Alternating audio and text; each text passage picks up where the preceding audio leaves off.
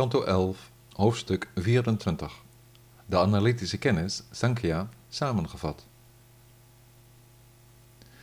De Allerhoogste zei: Nu zal ik de analytische kennis met je bespreken die werd ontwikkeld door de klassieke autoriteiten. Daarmee bekend kan een persoon direct de verwarring gebaseerd op de materiële dualiteit opgeven. In het eerste tijdperk der plichtmatigheid, Krita, in het begin, toen er enkel ontwikkelde personen van spiritueel onderscheid waren, zowel als gedurende de tijd daarvoor, was de kenner eenvoudigweg één en hetzelfde als het gekende universum. Die ene grote, ongedifferentieerde waarheid, waar de spraak en de geest geen toegang toe hebben, Brahman, veranderde in de tweevoud van de materiële natuur enerzijds en het genieten door de genieter van dat resultaat anderzijds. De ene wezenshelft, de materiële natuur, Prakriti, is zij, de moeder, die dualistisch van aard is, terwijl het andere wezen hij, de kenner, de Purusha, de genietende persoon of het mannelijke principe wordt genoemd.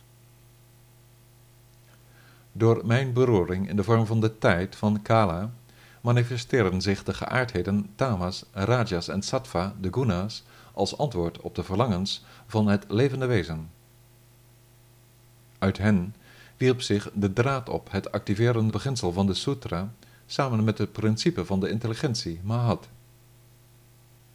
Vanuit de transformatie van Mahat kwam het valse ego tot stand van de ahankara van de Purusha, die zich identificeert met het voorwerp van waarneming dat de oorzaak is van verbijstering.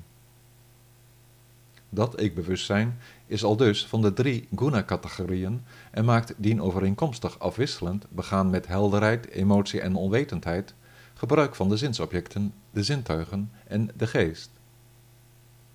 Zo vormt het geïdentificeerde zelf de oorzaak van het begrijpen en niet begrijpen. De traagheid van het valse ego gaf aanleiding tot de subtiele gevoelens met de grove materie. De emotie ervan bracht de zintuigen tot leven en de helderheid van het geïdentificeerde zelf wekte de elf goden op. Omdat al de elementen in combinatie hun functie vonden onder mijn invloed, brachten ze het ei van het universum tot stand dat dienst doet als mijn verheven verblijf.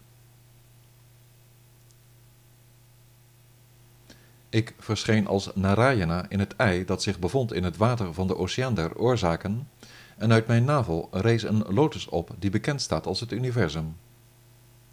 Op die lotus vond de uit zichzelf geborene zijn bestaan Brahma. Hij, de ziel van het universum, gedreven door de passie, schiep door zijn boete bij mijn genade de drie verschillende werelden genaamd de aarde, de atmosfeer en de hemel, met inbegrip van hun heersers. De hemel werd de verblijfplaats voor de goden, de atmosfeer die voor de geestverschijningen. De aardse plaatsen boden onderdak aan de mensen en de andere levende wezens, en de plaats voorbij aan deze drie is er voor de siddha's, zij die van de volmaaktheid zijn. De plaatsen van de onderwereld werden door de meester geschapen als het verblijf voor de asura's en zij die perfect zijn in het ego. Al de bestemmingen van de drie werelden ontlenen hun bestaan aan de vruchtdragende handelingen eigen aan de geaardheden. Door boete, yoga en door verzaking in sannyasa is men van de smetteloze bestemmingen mahar, jhanas, tapas en satya, maar mijn bestemming Vaikuntha is er met het verrichten van toegewijde dienst. Zoals beschikt door mij, de ondersteuner, de ziel, de energie van de tijd, ontworstelt men zich aan of verdrinkt men in de machtige stroom van de geaardheden van deze wereld, waarin men gebonden is aan het verrichten van baatzuchtige arbeid. Wat ook het kleine, het grote, het dunne of het dikke van de manifestatie mag zijn, is allemaal het product van de tweevoudige combinatie van de materiële natuur en haar genieter. Dat wat de oorzaak vormt van iets, alledaagse zaken zoals dingen van goud en dingen van klei, is er zowel in het begin, tijdens het leven, als aan het einde van dat wat werd voortgebracht en aan verandering onderhevig is. Iets dat dienst doet als een voorafgaand ingrediënt van een ding dat, als iets anders een verandering van de vorm van dat ingrediënt voorstelt, wordt het ware van iets genoemd, mits het aanwezig is van het begin tot het einde.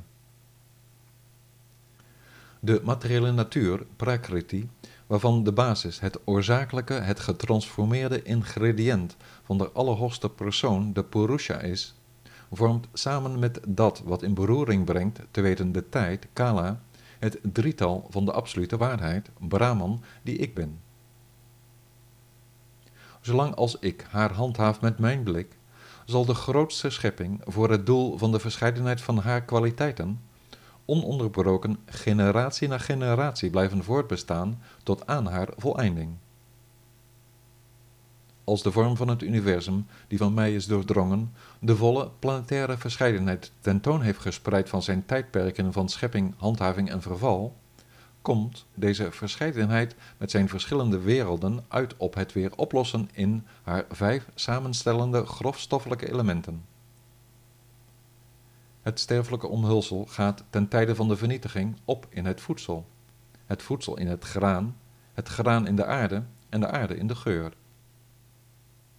De geur lost op in het water, het water in de kwaliteit van de smaak, de smaak in het vuur en het vuur in de vorm. De vorm gaat op in de lucht, de lucht in aanraking en die lost op in de ether. De ether lost op in het subtiele voorwerp van het geluid en de zinnen van dat geluid, etc., gaan op in hun bronnen, de goden van de zon en de maan, etc. De bronnen, mijn beste Udava, gaan op in de geest van het ego der goedheid, de beheerser van het geluid, die oplost in de oorspronkelijke staat der elementen, het ego der traagheid. Die almachtige, elementaire oernatuur versmelt dan met de kosmische intelligentie, Mahat. Dat grote principe van de natuur gaat over in zijn eigen geaardheden en zij op hun beurt gaan over in hun uiteindelijke verblijfplaats, de ongemanifesteerde staat van de natuur die opgaat in de onfeilbare tijd. De tijd lost op in de individualiteit, de jiva van het Allerhoogste dat het illusoire vermogen stuurt, en die individualiteit gaat op in mij, het Allerhoogste ongeboren zelf, Atma, die, gekenmerkt door schepping en vernietiging, volmaakt in zichzelf verwijlt en alleen blijft. Hoe kan, net als met de duisternis als de zon oprijst aan de hemel, de verbijstering van de geest der dualiteit zich handhaven in het hart van degene die dit nauwlettend bestudeert? Dit is wat ik, die zowel de geestelijke als de materiële wereld overziet, te zeggen had wat betreft deze Sankhya-instructie van analyse, die de band der twijfels doorbreekt van de mensen die zowel meeleven met als ingaan tegen de natuur.